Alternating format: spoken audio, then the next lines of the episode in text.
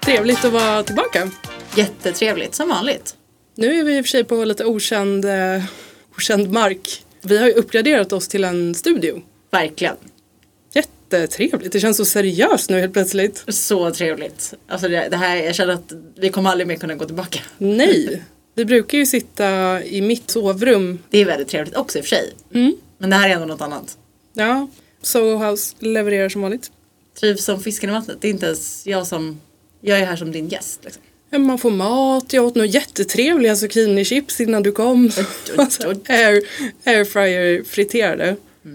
Satt som en liten smäck. Bara en sån sak. Ja. Alltså har jag väl ätit något gott någon gång, då glömmer jag det aldrig. Nej.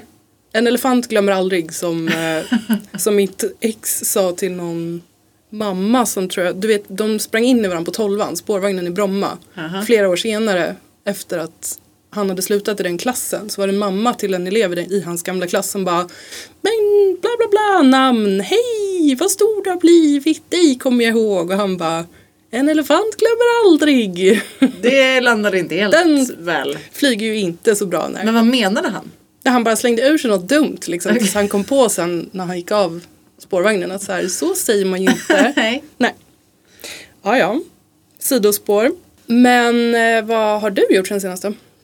Eh, men vi, eh, precis, nu var det ett tag sedan vi sågs. Eh, jag var ju bland annat på middag med en tjejkompis till oss båda.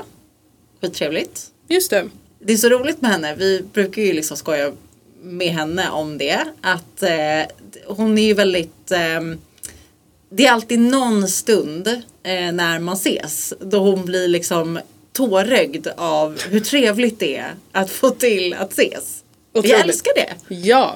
Man blir liksom påmind i realtid om hur trevligt det är att göra de där sakerna. Verkligen. Alltså gå på AV, gå ut på middag, få tid att hänga och prata om saker. Det tänker man ju aldrig på under, alltså där och då. Nej, men man älskar ju folk som är sentimentala och sen också tar upp det i stunden. Att så här, Exakt. du är så viktig för mig. Och... Ja! Det är så mysigt verkligen. Eh, så att en sån stund fick vi också, även den här gången. Otroligt. Ja. Eh, ja, det var mycket trevligt. Men hon har ju alltid haft, eh, det är ju en barndomskompis till mig som du lärde känna också tidigt, eller Ja. i, i gymnasiet. Och hon har ju alltid haft väldigt lätt till tårar, alltså både när hon skrattar, alltså, eller framförallt egentligen när hon är glad. Alltså så här, Ja. hon är lätt eh, rörd. Skulle du säga att du är lättrörd? Oh ja, Ja. alltså verkligen. Åt båda hållen. Alltså, jag gråter jämt. Vi gråter ju aldrig tillsammans. Nej, vi har aldrig gjort det. Verkligen. Och skulle det hända då skulle jag bli skiträdd. Ja, det hade varit, eh, det, vi hade varit ute på okänd mark. Verkligen. Men vad, vad, vad gråter du till då? Liksom? Alltså verkligen vad som helst. Det kan vara typ en låt som påminner mig om någonting. Har man tagit ett litet glas och Så kan väg- det ju vara, men det behövs inte. Nej. Alltså det kan komma ändå. Film, serie. Eh, ibland kan det ju räcka med att någon bara, hur är läget? Ja, gud ja. Ja, Om rätt, om rätt person ställer den frågan vid rätt tillfälle, då Ja. är det ju som att trycka på en knapp. exakt. Jobbigt för den personen som Mm. kanske verkligen var lite så här, det, alltså, det var ju förbifarten bara för att vara artig. Liksom. Säg bara det är skitbra hur är det med dig. Men eh, oh ja, verkligen alltså. Det där eh, väldigt eh, nära till gråt. Mm. I, ja men både liksom så här för saker är sorgliga och för att man bara blir rörd. För att saker är härliga. Ja men så här, man är lite bakis och typ så här så råkar Lilla huset på prärien komma på på tvn eller någonting. Man- lite extra känslig, ja exakt. Jag storgrät ju till i och för sig Pretty Woman som jag såg om häromdagen. Gud vad vi har så här gamla kulturella referenser i den här podden. Det är, all, Ja. det är aldrig så här dagsfärska filmer som nämns. Nej. Men jag såg om den för typ hundrade gången häromveckan. Och grät ögonen ur mig. Är det sant? Ja, och framförallt till scenen när hon äntligen får shoppa. När de inte är taskiga längre. Ja, och hon får gå in och köpa allting. Ja. Det är ändå kul att du har den, alltså att det är det som slår dig. För att de flesta andra som ser Pretty Woman idag, alltså som är i vår ålder eller äldre, alltså som ser den idag med nyktra ögon, har ju lite andra insikter om den filmen. att den liksom ja, den handlingen egentligen är lite märklig. Ja, jo, och så här, den är man ju med på. Alltså plotten är ju så här, vad i helvete hände med det här manuskriptet och hur fick vi alla de här skådespelarna att ställa upp på det här? Och Ja, liksom, vad är det för budskap ni vill kommunicera egentligen? Exakt. Mm. Ja, men men, jag tycker det är väldigt roligt att du ändå hamnar i någon form av så här. Åh, ja, men, äntligen alla de här pengarna som hon aldrig hade. kontanterna. Exakt. Nej, på tal om att vara sentimental så har den ju något slags värde. Den, den, den slår ju på vissa strängar ändå hos den. Oh, ja. Även om man kan hålla med om att den är problematisk. Men jag tror att det är det som är grejen för mig med, med att det blir rörd. Det handlar inte så mycket om vad det är och att det är det som jag hör eller ser. Det är för att det slår an på en sträng från det förflutna. Det allt har med nostalgi att göra för mig. Det är ofta det som händer. Det finns ju en annan scen, vi ska inte tjata om Pretty Woman i hundra år, men när de har gjort slut lite grann och, och det Must have been love Ah, ja, spelas ja, ja, ja, och ja. hon sitter i bilen. ja. ja. Och man, där kan man ju också, där ser man ju bara sig själv. inte som, där får vi klippa bort mig, inte som prostituerad. Utan när man är på väg hem och eh, någonting har tagit slut. Och man sitter och tycker så jävla synd om sig själv i, liksom baksätet på någon bil eller något. i En taxi. Ja, gud ja. Åh, när jag flyttade från Paris var en sån. Det kan jag tänka Det var en mig. riktig filmscen. Vad lyssnade du på, kommer du ihåg? Eh, ingenting tror jag. Alltså det var väl, nej jag tror inte jag hade några lurar i liksom. För annars var det ju, satt jag just i en taxi. Jag kommer ihåg att den taxichauffören till slut vände sig om och var så här. Hur är det med dig? Typ. För jag grät så mycket. Ja. Att det inte gick att dölja. Eh, och att hela resonemanget var så här. Jag har ingenting att komma hem till. Man bara förutom familj, vänner, lägenhet, jobb, Ja. liv. Exakt. Det hade jag glömt då. Ja. Ja. Ja, men alltid samma på väg hem från en utekväll och bara han hörde inte av sig. Livet är över. Ja. Ändå fint. Ja, verkligen.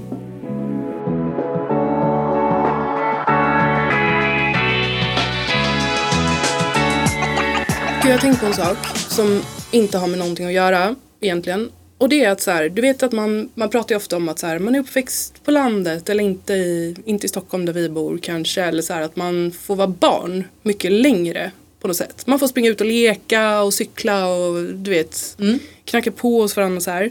Och att det stämmer ju att man blir vuxen lite snabbare kanske i Stockholm. Alltså jag är ju inte uppväxt i city och inte du heller liksom. Utan ändå i ett så här villaområde liksom. Men jag vill ju ändå minnas att vi hade typ så här pardejter när man var åtta typ. Att så här, jag är ihop med den och den och vi ska gå och äta pizza på fredag efter skolan och då ska de här som också är ihop följa med och bla bla bla så här. Ja, och man var ändå ute och åkte tidigt. Alltså i så här kollektivtrafiken även om vi inte bodde i city. Mm, ja, Det stämmer ju verkligen. Men också, jag tänker hela den här liksom idyllen då att växa upp på landet. Att det, är- att det är mycket eh, Ja men att det är mer så här, det är väldigt lämpligt typ för barn. För att det är så här grönområden och djur och sådär. vi växer upp lite snabbare. Alltså vi är barn kortare här. Men man är ju också vuxen, eller förlåt, man är också ung längre. Jämfört med på landet, om man nu, nu generaliserar man ju jättemycket såklart. Men jag tror att det är lite vanligare att man ska få barn och familj och stabil partner och sådär tidigare. Och flytta hemifrån tidigare. Mm, I mindre städer. Ja absolut. Och det är för att det är möjligt också.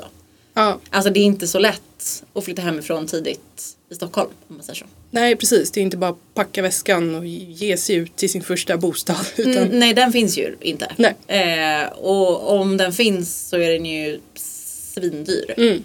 Så det är inte så många som så här, då tar jag mitt pick och pack här, eh, 18 år. Nej, precis. Men så att min, min frågeställning är igen, eller så här, så att det jag... Men så här, om du fick välja då, eller vad är egentligen bäst? Det var det jag satt och klurade på. Så här, okej, vara barn, få en riktigt lång barndom och sen direkt in i kallduschen efter det med liksom, nu är det dags att bli vuxen, betala räkningar, vara ansvarig för tre barn. Liksom. Herregud. Eller att ha korta ner barndomen lite grann men ändå få leva länge och gott som ung slash ung vuxen. Ska jag välja? Ja, kanske att du får välja. Ja. Det är alternativ nummer två då. Mm. alltså när de målar upp det sådär så var inte det ett svårt val. Nej. Men, men jag tror ju däremot eh, kanske att vi är så här mer gjorda för alternativ nummer ett. Alltså jag tänker mer just att så här, skaffa familj tidigt och sådana saker. Ehm, vi kanske är bättre lämpade för det egentligen. Här är, återigen, jag har inte statistiken men att vi då, eh, precis som du säger, man, man eh, är kvar i liksom att vara ungdom längre, man bor hemma. Eh, det tar ett tag innan man ens har liksom kommit på fötter i princip. Eh, många som kanske pluggar länge eller så gör man inte det men man jobbar mycket och så vidare. Ja, åren går liksom innan man är kanske redo att skaffa familj. Så att du får göra det när du också är äldre. Men jag tycker bara att det är, nu är det ju ändå för sent. Eller så här, ingen av oss har ju familj. Aldrig för sent på en lycklig barndom. Men är det, är det inte det? Eller så här, Jo men det är ett roligt uttryck. Just för att när man säger det så är det så här. Det är väl precis det det är. ja det är nattsvart. Alltså, det är den nattsvart. är ju över så länge liksom. Är det talesättet ironiskt? För i så fall är du en ganska rolig person. Nej, jag Nej. tror att det är de som säger det är allvarliga. Men då är man ju, då är man ju inte vid sina, sitt, sin, sina sinnens fulla bruk. Jag tror man menar att du kan alltid så jobba med det. Alltså förstår du? Att du kan Mm. alltid bearbeta saker på ett sätt så att du kan må bra sen oavsett hur barndomen var. Typ. En, Eh, ändå lite snopet om man vaggas in i den där lilla snuttefilten. Att så här, och att sen man tror att kom, man får göra om. ja. Och sen bara, nej. Nej, Jaha, nej det tåget har gått. Glöm det. Eh, blickar vi framåt. Eh, nej, verkligen. Det är sant. Men är det så kul att vara barn? Det är också det, alltså folk tutar i en både det ena skitet efter det andra. Alltså så, jag, alltså jag menar, jag hade världens lyckligaste barndom liksom. Jag hade, jag hade um, time of my life liksom. Ja. Men, men att vara barn oavsett hur goda familjeförhållanden du har eller om, om det går helt okej i skolan och du har kompisar och sådär. Det är ju fortfarande lite halvpiss ändå. Oh ja, gud ja. Jag saknar det verkligen inte. Men överlag så känner jag att så här, man kan inte hålla på sådär. För att när du är i en viss ålder eller en viss tid så oftast vill man ändå inte vara där. Och de som inte är där då ska försöka berätta för dig att så här, njut av den här tiden nu. Eh, men det är ju för att de har andra erfarenheter som man själv kommer få sen som gör att de känner så. Så det blir helt orimligt. Alltså, om man är 10 år så vill man oftast inte vara 10 år. Då vill Nej. man vara 15 år. Och är man 15 år vill man vara 20 år. Och sen så vänder det där i och för sig at some point. Och så vill man inte bli äldre kanske. Men som nu att man ser tillbaka på sina så här när man var liksom, ja men runt 20. Och så är det jättemånga, inte jag i och för sig, men som är så här, fan varför drog jag inte bara? Varför bara åkte jag inte till Milano och bodde på en madrass? Men för att jag ville inte göra det då. Jag hade inget intresse av att göra det. Det kan man ju säga nu. Bara för att nu går det kanske inte riktigt. För att man sitter fast i typ ett bostadslån och eventuellt en familj. Som gör att man inte bara kan dra. Men då får man inte glömma bort att så här, men jag hade chansen men jag gjorde inte det för jag ville inte det. Nej, På samma sätt som de som är så här, passa på att vara barn så länge du kan. det är så sant. Ja, håll inte på och liksom försök hålla kvar folk i en viss ålder eller tvinga dem att liksom man måste bara komma ihåg att så här, jag vill inte heller det. Då. Nej. Det är som med allting att så här, håll inte på och tjata om att de måste smaka på all mat och skit. Man gjorde inte det själv. Jag vill inte, jag vill inte heller det.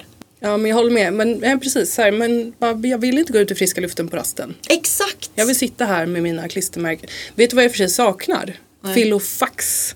Ja, men det kan du ju och för sig skaffa om du vill. Ja men det är inte samma sak. Jag, det är inte de här breven man fick och... Nej, nej, nej, nej, visst. Du hade en sån? Ja, oh, jag kommer ihåg den första. Kvackofaxen. Vad var det?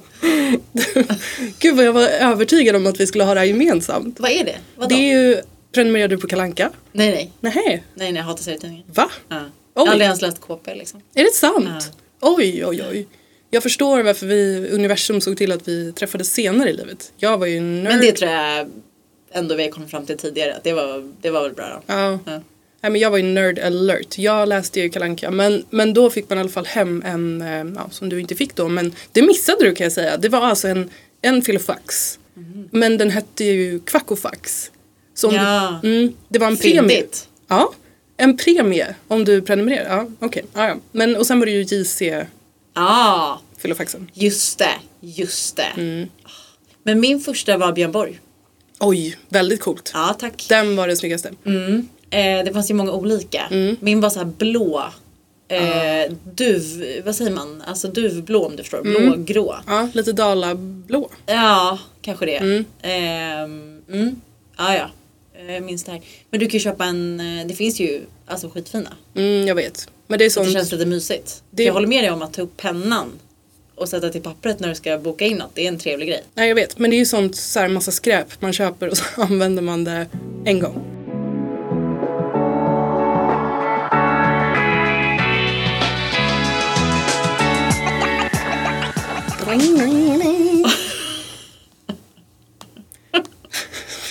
Jag har tappat det helt här inne.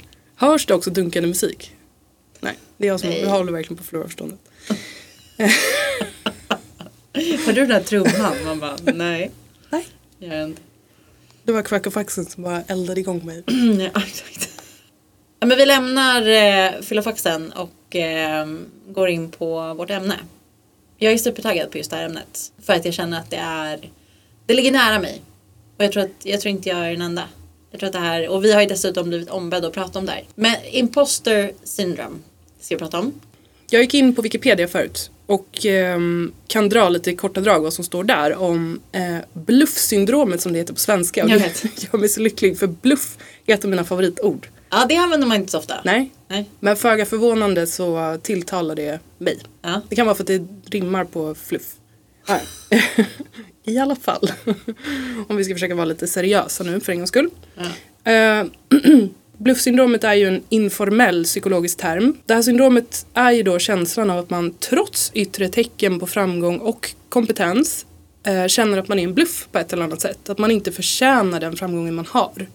Eller att man själv avfärdar sin framgång på grund av timing eller tur eller att man känner att man har lurat sig till sina åstadkommanden. Det grundar sig ju i dålig självkänsla och eh, är ingen riktig diagnos men det finns ganska mycket forskning på det och det är väl för att det är så pass vanligt. Eh, hos båda könen faktiskt. Lik, Lika vanligt ser det ut som i alla fall när vi har gjort lite research ju. Vi hade ju kanske någon tes om att det skulle vara en kvinnofälla men ja, exakt. Det där måste vi komma tillbaka till det står också på Wikipedia att så här, två av fem framgångsrika personer anser sig vara en bluff. Källan på det är forskning från 80-talet men ändå intressant. Men okej, så hur kan det här ta sig uttryck då? Antingen så kan det ju vara till exempel att man överjobbar för att eh, förhindra att bli upptäckt så att säga. Och det leder ju till stress, utbrändhet och sådär. Konstant överpresterande. Det kan också ta sig uttryck i att man hela tiden säger det som man tror att folk vill höra. Kanske framförallt överordnade. Och då går man hem och känner sig falsk. Det kan också vara att man använder sin charm för att få det man vill ha. Ehm, och då um, känner man ju också när man kommer hem efter jobbet att så här, oj, har jag åstadkommit det här på grund av min kvinnliga list eller är det på grund av min faktiska kompetens? Jag vet inte hur du känner. Jag känner igen mig i väldigt mycket av det här. Framförallt i känn. Den där var otrolig. Gud. Nej men jag vet inte hur du känner men jag känner igen mig väldigt mycket av det där. Alltså det här ligger mig nära känner jag. Framförallt i känslan. Alltså kanske inte så mycket att jag går runt och tycker att jag har liksom tagit mig någonstans genom att vara liksom falsk. Att jag hittat på saker. Jag kan inte riktigt känna mig med just det. Men däremot den här, den här känslan som jag tror att jättemånga känner igen sig i. Alltså när man har pratat om det med folk. Just att så här, när, när kommer jag bli avslöjad? Hur har du det med det här? Alltså, känner du igen dig? Uh, ja, men jag kan känna igen känslan och jag tycker att den kommer och går lite grann. Alltså det finns väl vissa scenarion som kan trigga den mer. Alltså till exempel om man har varit ny på vissa arbetsplatser, så här historiskt sett kanske eller sådär. Jag går inte runt med den sådär lite i bakgrunden så ofta men däremot så här, två ganska tydliga scenarion när jag tycker att jag stöter på den det är ju ett, det här händer ju i och för sig väldigt ofta då men att, att man sitter i ett rum med någon som är så otroligt mycket smartare än du. Ehm, du, du är långt ifrån den smartaste personen i rummet. Självklart så, så kan man ju då känna att självkänslan inte är på topp eller att man tänker att de tänker att hon kan ju ingenting. Eller så tycker jag att jag stöter på den här känslan när jag i olika forum ska prata om, om sin framgång. Alltså kanske lite den här, när vi, i samband med den här podden, ibland lite grann. Eh, eller så här, jag undviker ju att vara någon så här LinkedIn-postare. Som vissa är ju så att de marknadsför sig själva lite, till exempel på LinkedIn eller att man tackar ja till att föreläsa eller sånt. Sånt undviker jag för att man tänker lite så här, vadå, vem är jag att du vet, Mm. prata om det här. Fast, fast jag egentligen i grund och botten känner mig väldigt säker i att så här, jo men jag kan, varför skulle inte jag kunna göra det liksom? Just det. Jag Du, fattar. du då, vilka scenarion känner du att det här kommer till dig? Nej men jag kan ju känna om jag får positiv feedback för någonting. Istället för att känna så här, vad, alltså att bara, det är klart att det landar väl också, att jag blir glad för det. Och att jag i vissa fall kan känna liksom att, ja men jag upplevde också att det här gick bra. Men många gånger så kan jag ju känna att fallhöjden blir större. Att liksom, okej när jag inte lyckas med någonting för att jag känner att jag liksom inte kan så mycket. Då kommer det bara bli värre. För att man dessutom har fått höra, alltså att man nästan det här att så här, nu har jag liksom lurat den här personen. Att tro att jag kan någonting som är bra. Och det var ju den som nämndes på Wikipedia lite grann då. Att så här, man, känner du att, du att det leder till att du överjobbar då? Ja, absolut. Det där känner jag igen Ja. jättemycket också. För att jag åtminstone vill kunna så här, om jag blir avslöjad så att säga, så är det ändå någon form av så här, jag vill ändå kunna visa på att jag har i alla fall gjort allt jag kan. Men det är klart att det är en falsk illusion. Alltså det är klart att det inte att jag har någonting att vinna på det. Det kan ju bli kontraproduktivt också. Och precis som man är inne på då, att det snarare leder till stress. Känner du att du drivs av beröm? Alltså blir du, Att jag feedar på... vill du ändå, ja precis, vill du ändå Absolut. ha beröm? Ah, Okej, mm. Oh, ja. För där är vi ändå olika, för det gör ju inte jag. Okej, alltså det är inte det enda som driver mig. Nej, nej, men, nej. men det är absolut så att jag, att jag behöver känna att jag är uppskattad. Mm. Verkligen. Okej. Men vad, hur är det för dig då? Vad drivs du? Jag, jag tänker att det bara inte, um, och det kanske också är en variant av imposter syndrom då, för att jag, jag lämnas helt oberörd av beröm på, på jobbet. Är det sant? Ja. Oavsett vem du får ifrån? Mm, för jag har, jag, jag, ehm, ja, jag vet inte riktigt varför. Nej, jag tänker ändå så här om det är någon som du ser upp till. Eller som du nämner om du sitter i det där rummet där du upplever så här, jag är långt ifrån den smartaste personen här inne. Det är väldigt mycket duktiga människor här nu. Om du i det sammanhanget från de personerna som du då ser upp lite till. Alltså får beröm av dem. Är inte det någonting som landar väldigt så här härligt då? Det landar ju bra. Eh, det gör det ju. Men jag, ehm, det är inte det som är min drivkraft på något sätt. Alltså det är inte det jag har då jobbat sådär hårt med den leveransen för att få eller det är inte heller det som jag tar med mig från mötet kanske eller vad det nu är. Så här. Nej jag vet inte, beröm är bara inte på, på något oförklarligt sätt inte vad jag jag, jag, jag spenderar väldigt lite tid överlag i, i livet på jobbet och tänker på beröm eller liksom stannar vid, vid berömmet. Men jag, jag vet inte om det är något positivt. alltså, Jo, det låter ju väldigt skönt. Alltså, jag vet inte det. Det skulle vara sån easy win ju att kunna tillgodoräkna sig positiv feedback. Men av rätt anledning också ju. Ja men det där är väl en balansgång. Alltså det är klart att det är roligt om man kan uppskatta det. Alltså känna att eh, det är någonting som ändå är en fin bekräftelse på det man gör om inte annat. Men däremot så är det väl åt båda hållen. Det är ju också kanske inte helt sunt att drivas av det. För att man också måste kunna bottna i att så här, jag måste känna att jag, alltså så länge jag gör mitt bästa och gör det jag kan så måste jag någonstans känna att det är, att det duger. Oavsett om någon kommer säga till mig att det var bra jobbat eller inte. När du beskriver det sådär så tycker i alla fall jag att det låter väldigt så här, det låter lite sunt. Och framförallt så låter det skönt att inte bry sig så mycket om det. Jag tar ju väldigt stor fasta på feedback som inte är positiv. Alltså dock. Konstruktiv liksom. Exakt, och det är kanske därför att man är så inne i det också. Att man stannar inte upp så länge vid den positiva feedbacken utan snarare fokuserar man på vad man kunde gjort bättre eller vad som är ja, men så här, on to the next hela tiden. Att jag är så här, ah, ja kul att ni tyckte det var bra men nu är jag ju redan inne i nästa grej vi ska göra liksom. Det låter som så här idrottsmän lite. Brukar beskriva det sådär. Ja, okej. Att när de väl vinner, eller typ eh, vad som helst. Alltså artister som vinner Mm. en Grammy eller någonting. Det är kul i fem minuter. När du får den här statyetten. Sen, jag tror det var Veronica Maggio som nämnde det i någon intervju. Att hon var så här, sen glömmer jag typ den på Berns. För då är, jag, för då är det över. Alltså, Ja. var så här, man blir ju superglad såklart. Men sen är man så himla så här.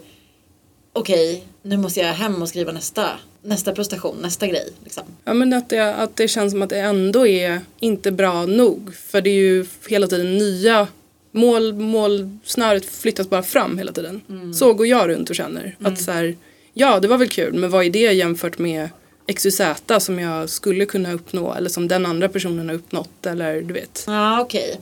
Då ångrar jag mig lite. Det låter inte bara skönt. Det låter också som att Ja men som att du kanske ibland behöver så här Jag vet inte. Känna in att Fira de Ja. små mm, delmålen ja. Mm. Exakt. Och bara få känna lite att så här, det här är skitbra. Mm. Jag kan vila i det lite nu.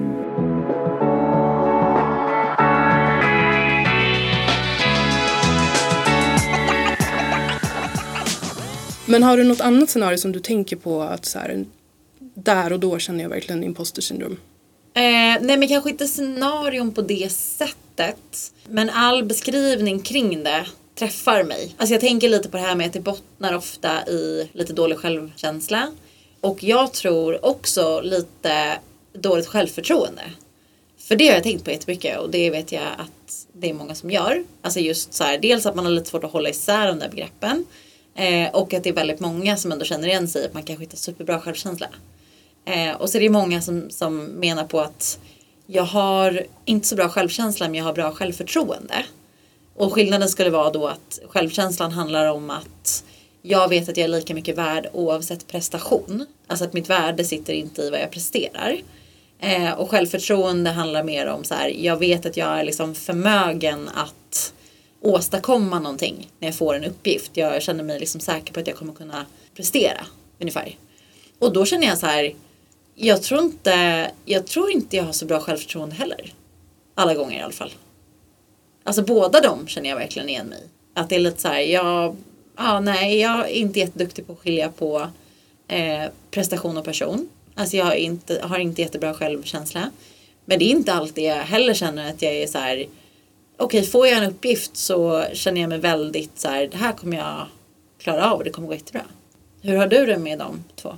Alltså det är svårt tycker jag att avgöra rakt av. Jag tror att jag kan dra både åt eh, hybris, alltså att jag som en, alltså jag är uppvuxen utan några syskon liksom så jag tror att jag är uppvuxen i en miljö där man får väldigt mycket beröm och man inte jämförs i de unga åren så jättemycket med andra, alltså i skolan och med kompisar absolut men inte liksom av föräldrarna ju. Och att jag därmed snarare kan ha varit under åren i alla fall tidigare, i, i yngre år varit mer så här att jag, jag har hybris inför uppgiften och sen blir det en kall dusch eller ett så här tillbakaslag när jag inser att så här nej nej det här kan du ju inte, du kan ju inte allt på en gång typ. Och att det blir ett, uppvaknande att man är så här oj då det här var jag inte bra på liksom. Jag tror ändå att jag var mycket så när jag var yngre men där har jag nog bara så här, ah, okej ibland ger man upp och ibland är det så här upp på hästen igen typ. Men så här, summa summarum är väl bara, jag, jag tror jag har utmaningar med att om jag inte är bäst då är in, det är nog det, då är inget beröm spelar inget beröm någon roll. För det finns ändå någon som är bättre än mig. Så jag är lite så här, kul, det var roligt. Du kan inte ta till dig det då? Eller Nej. uppskatta att, Nej. nej men om jag är på riktigt bäst, det är inte så jätteofta man, jag vet inte ens vad det skulle vara, men så här, jag, jag inser att så här, det här var jag faktiskt bäst på liksom, och då får beröm. Då tror jag att jag kan ta till mig det. Ja, men då är det ju ändå Då är du ändå illa ute på Det ja, ja, det, det är katastrof. Nej men jag menar att Då har du ju ändå extremt höga krav på dig själv. Mm, absolut. Så är det ju. Mm, så är det. Och det kanske ändå är, Alltså då är det ju snarare att du har så höga krav på dig själv så att när någon annan säger så här Jag vill bara säga att vi är supernöjda med det här och bra jobbat så är det lite så här, "Aj, det är inte jag. Så att det spelar ingen roll för mig. ja, du typ så säger. tror jag. Mm. Och det kanske också är, jag vet inte, det kanske är dålig självkänsla. Ja det tror jag. Ja. Att det tar, precis, det tar Oh, ja. mm, det är både det är både hybris och jättedålig självkänsla. En så obehaglig blandning. Ja fast jag, jag tänker när du säger hybris så tänker jag mer på en person som är så här det här gick så jävla bra. Alltså Mm, okej. du vet som, all, som aldrig känner att det här, gick, det här gick inte bra. Det spelar ingen Nej. roll att du berömmer mig för jag känner inte själv att jag har gjort tillräckligt bra ifrån mig. Utan som alltid är så här, även typ om de får höra att det inte gick bra så bara vad menar du? Det gick ju skitbra. Alltså med, tvärtom egentligen. Ja, jo, okej. Mm. Sen kanske du menar på att det är hybris då i form av så här självförtroendet. Typ. Mm. Att det är så här, det här, kommer jag, det här kan jag ta mig an. Det kommer jag säkert göra något bra av. Eh, och sen så har man så jävla höga krav på sig själv så att sen spelar det ändå ingen roll så här, hur bra man än gör det så det är aldrig bra nog. Ja, exakt. Och det är kanske där man förväxlar. För jag, för jag tycker mig själv ändå Och det är det jag menar med att det kanske är, det kanske bara är att jag har hybris. Men jag tycker att jag är en ganska orädd, trygg person ofta på jobbet. Att jag känner, jag tvivlar inte så jätteofta på, jag kanske borde tvivla mer på så här, huruvida jag kommer klara saker eller inte. Men ja, jag vet inte. Men kan vi inte bara komma in på, alltså det här känns ju väldigt vanligt ju. I, alltså kanske vår generation då, eller och även, eh, fast nej, knappt det. Alltså jag tror överallt bara känns det här super. Alla jag pratar med om det här känner igen sig. Mm. Varför är det så? Är det, jag, jag har funderat på det. Varför är det här så vanligt? Var kommer det ifrån? Eh, är det att vi, så här, som jag har varit inne på förut, alltså så här klassiska liksom Anders Hansen-resonemang eh, kring liksom att vi, utvecklingen har gått så sjukt fort de senaste ja, men 50 åren. Att vi hänger inte med. Alltså våra hjärnor har inte hängt med i liksom, utvecklingen. Och det skapar en viss form av depression. Det här är ändå lite touchar på det. Tvivel och så här, att man inte mår så bra helt enkelt. Alltså psyket hänger inte med. Eh, handlar det om, som är kopplat till så mycket annat, att vi exponeras för Alltså, man tänker på sociala medier, att vi exponeras för sjukt mycket lycka, framgång. Det bara strömmar in positiva eh, glimtar Oupp, från... ouppnåeliga. Exakt. Är det det? Är det en blandning av alltihopa? Varför har vi det här överhuvudtaget? Jag eh, tror ju att såklart sociala medier, alltså som sagt det här ouppnåeliga är ju alltid och vänta runt hörnet och det är också, ja men det är det exakt det jag menar med också att man säger, ja men jag är ändå inte bäst och jag kommer säkert aldrig bli bäst heller för det finns alltid någon jävel som är så sjukt mycket bättre liksom. Ja. Och att eh, i våran tid och våran generation då ser de, de här personerna som är bättre är ju så mycket sy- mer synliga för oss. Exakt, och de är så många. Och det kan ju vara, jag tänker förr i tiden, eller jag säga, var inte speciellt länge sedan. Men då var ju de enda som man såg i så framgångsrika sammanhang. Det är ju också människor då som är ouppnåeliga. Alltså då är det ju liksom Hollywood typ. Det Ja. var typ det man hade att jämföra sig med. Och den, blir så, den jämförelsen blir så konstig för att vi inte, de flesta människor är inte där. Det här behöver ju inte alls vara på den nivån. Det här kan ju vara personen som bor granne. Och det är ju det som, det, är det som blir med att vi är mer exponerade för dem i vårt vardagliga liv. Ja. För innan kunde man vara så ah, ja men det är Hollywood. Jag kan vara nöjd med min lilla insats här. Exakt. För att jag kommer ju ändå inte komma dit. Exakt. Eh, men nu ser man ju jämnåriga eller folk som är yngre Ja. än en också för den delen. Men du, vi pratade ju om det precis innan. Att eh, det tydligen är väldigt vanligt hos båda könen. Och det är säkert sant. Men jag tycker att jag hör om det och ser det här mycket mer hos tjejer. Och eh, ja men så här, det, kan, det kan ju bero på att vi pratar mer om det och att jag pratar mer med andra tjejer om det här. Ja, känns det inte som att så här, kvinnor överlag är duktigare på att sätta ord på sina känslor och att diskutera den här typen av ämnen och även att så här, visa sig svag. Alltså det känns som en, något som är kopplat till lite skam ju. Att känna så här eller att blotta sig själv, att erkänna att man har de här känslorna. Nej men det kanske är så enkelt att det är egentligen lika vanligt men Ja, men det känns som att kvinnor kanske är de tar till den metoden för att komma till bukt med det medan män, och nu generaliserar jag ju väldigt mycket men att så här, folk som har väldigt starka stereotypa manliga drag i sin personlighet de mer för att få bukt med problemet snarare överhävdar sig kanske. Det är nog väldigt sant. Men det har jag i och för sig läst om kopplat till det här att det kan vara en metod för att hantera det. Att så här, fake it till you make it. Ja det funkar säkert, bra. Ja, exakt. För att om man ändå ska se det här som någonting som inte är sant utan som mer handlar om hjärnspöken, om man kan kalla det det, kopplat just till då dålig självkänsla kanske. Då är ju det helt rätt väg att gå. Att ignorera de tankarna och de känslorna. Och försöka att bara så här, jag tänker inte, jag hör, men jag tänker inte lyssna på det. Och jag tänker inte agera på det. Fake it till you make it. Ja exakt, för det är ju ändå hela kontentan av det här är att så här, det stämmer ju inte för någon av oss. Vi alla som har de här tankarna är ju fullkomligt kompetenta och förtjänta av alla våra eventuella framgångar liksom. Nej men och som du beskriver att det ändå är vanligast då eh, där man är liksom högpresterande. Och att det inte alls behöver, tvärtom, det behöver inte alls vara vuxet ur någon form av sån feedback, utan tvärtom. Det kan ju vara så att det enda man har bevis på är ju snarare att, att, att man gör ett bra jobb och ändå så dyker de tankarna upp och det är så man känner sig.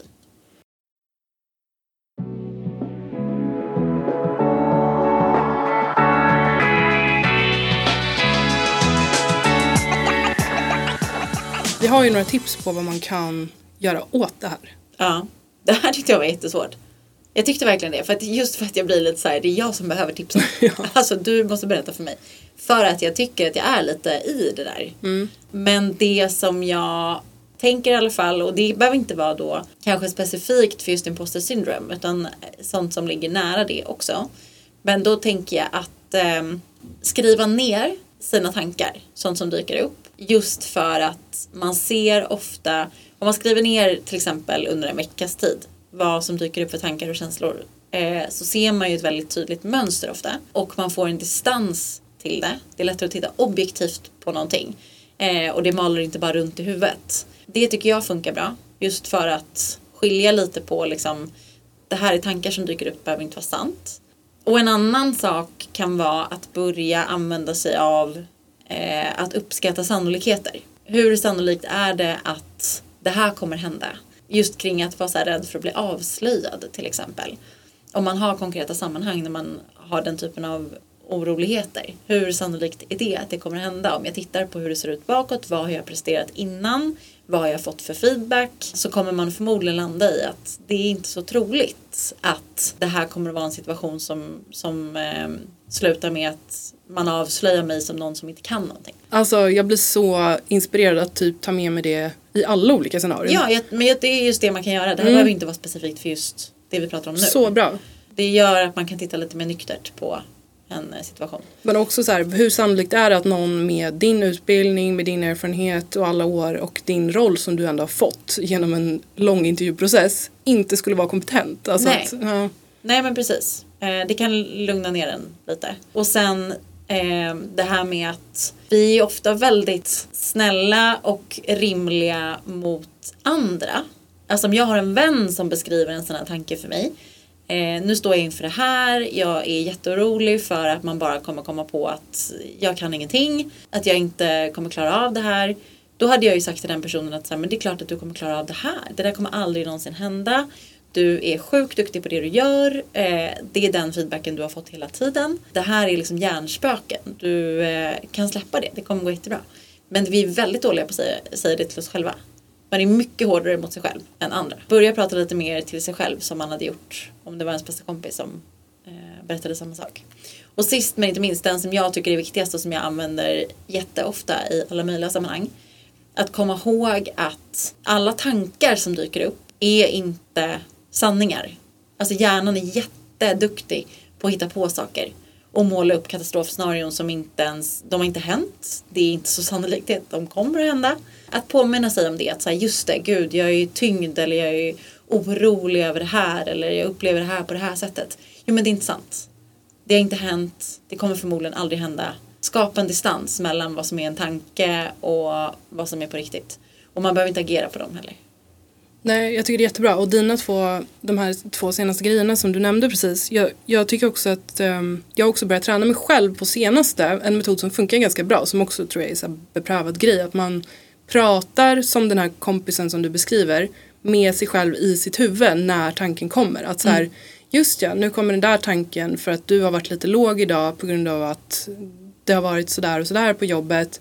Då kan man tänka en sån tanke, vad jobbigt. Vi stannar vid den en liten stund men sen släpper vi den. Alltså att man liksom Exakt. samtalar med sig själv i huvudet på det sättet om sina tankar. Jag tycker faktiskt, alltså jag vet inte om jag håller på att bli galen.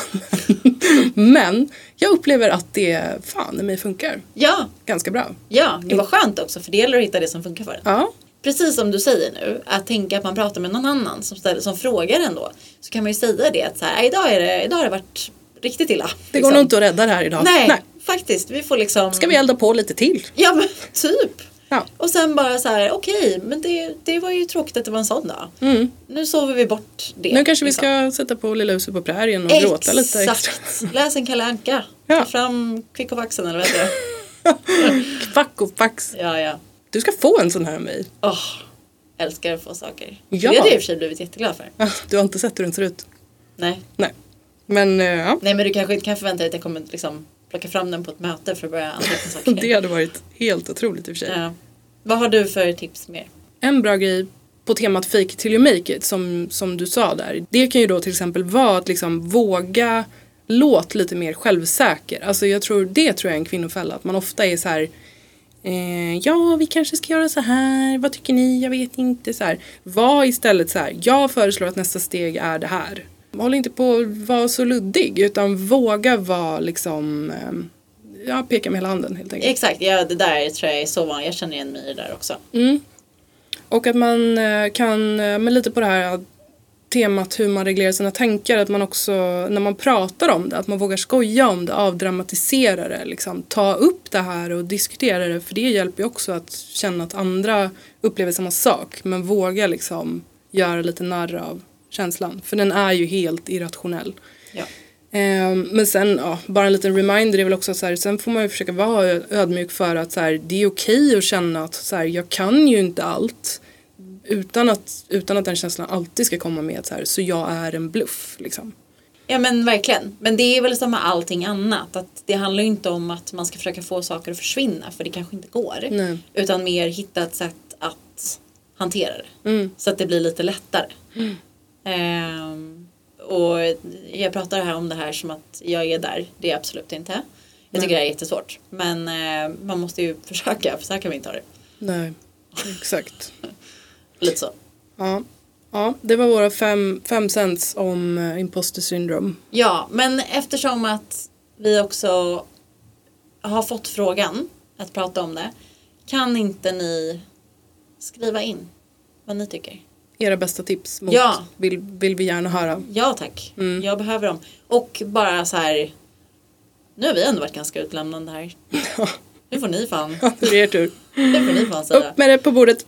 Nu är det vi som ska gå och käka middag. Mm. Gud, vi har verkligen overstayed our welcome i Ja, det vi här verkligen. Jag är så livrädd för att någon ska studsa in här. Ja, när och som bara, helst kan någon öppna dörren till den här Vi sa studion. ju att det bara var 50 minuter. Ja, det är väldigt noga med att man får bara vara här en timme. Ja. Och vi rebeller som vi är har ju varit här i typ en och en halv timme nu. Jag vet. Men jag vill höra om din dating, eh, ditt datingliv men det är kanske inte... Vi tar det på middagen. Ja. Så att inte lyssnarna får höra. ja, exakt. De vill höra om tacos. El tacos español. Men det är då har du mer att berätta än vad jag Ja men det är min favoritkaraktär du vet. Nej. Är våran följetong. Så- Ja, ja, men det finns ju inte. Det, är ju, det här har ju du hittat Ja men på. han skulle kunna finnas. Ja, ja, men han gör ju inte det. Så Nej, det här är ju någonting som du har hittat på. Ja, ja, skitsamma. Men jag ska i alla fall ehm, eh, Jag kan eh, berätta om min eh, otroliga helg jag framför mig. Jag ska på AV på fredag Mhm. med kollegor. Trevligt. Ja, supertrevligt. Det var också länge sedan Mm. jag gjorde det. Så det ska bli skittrevligt. Jag får också välja ställe. Fantastiskt. Ja, det har de bestämt för att jag alltid blir så missnöjd. Vad väljer du då? då? väljer. Eh, Rish Phoenix tror jag att jag ska välja den här Ja, gången. trevligt. Mm, supertrevligt. Man måste vara där väldigt tidigt bara. Sen ska jag ha den här som jag pratade om förut och det känns som att jag bara så vrider Nej, den Kniven- biddan som jag inte får kom. Ja, det är faktiskt en kniv. Jag är ledsen. Mm. Men den kommer i alla fall äga rum på lördag.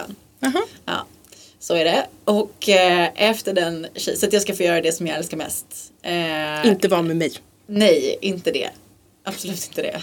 Men laga mat hemma till ett sällskap och dricka vin. Ni Det är det bästa jag vet. svänga era lurviga Ja. utan mig. Oh ja, för att sen ska vi nämligen på natten också. Mhm. Eftermiddagen. Ja, det är kul. Mm. Jag kom ju- på, jag såg liksom att det var samma datum så att jag bara så här, äh, vi kör på det också. Det är en bra slirig kväll. Men jag kan berätta om det eh, nästa gång vi hörs. Mm, vad kul. Jag ska sitta hemma ensam. Jag kanske ska planera in en ny tjejmiddag där du är bjuden. Mm. Jag tror det ska. Gärna. Mm. Mer risotto vill jag ha. Ja, men för jag har faktiskt fått höra det från en tjej, en till. Som när jag drog det här. Ja, vi kanske ska ha middag. Ja men det är det jag Du, menar. när du hör det här personen så ring upp. Det här är en vän till dig också. Perfekt. Du är välkommen hem till mig. Ja men för då På fick jag lite den att det Ska vi gå på natten och äta middag och ha trevligt utan Johanna? Så det är bara, du har mitt nummer då, Ah. antar jag. se varandra där och bara så här inte hälsar. Riktigt dålig Jag stämning. lägger upp massa foton på Exakt. Instagram. Så trevligt. Nej men jag kanske faktiskt ska ha en till middag. Ja. För att hon var väldigt tydlig med att så här. Jaha. Här pratar du om att det är det bästa du vet och du vet. när, när var jag på middag hos dig senast? Det gäller tydligen alla andra. Det var inte bra. Nej. Ja, nu börjar vår middagsbokning så nu får ni ta hand om er själva. Ja men verkligen. Men eh, vi eh, hörs om en vecka som vanligt. Vi längtar redan.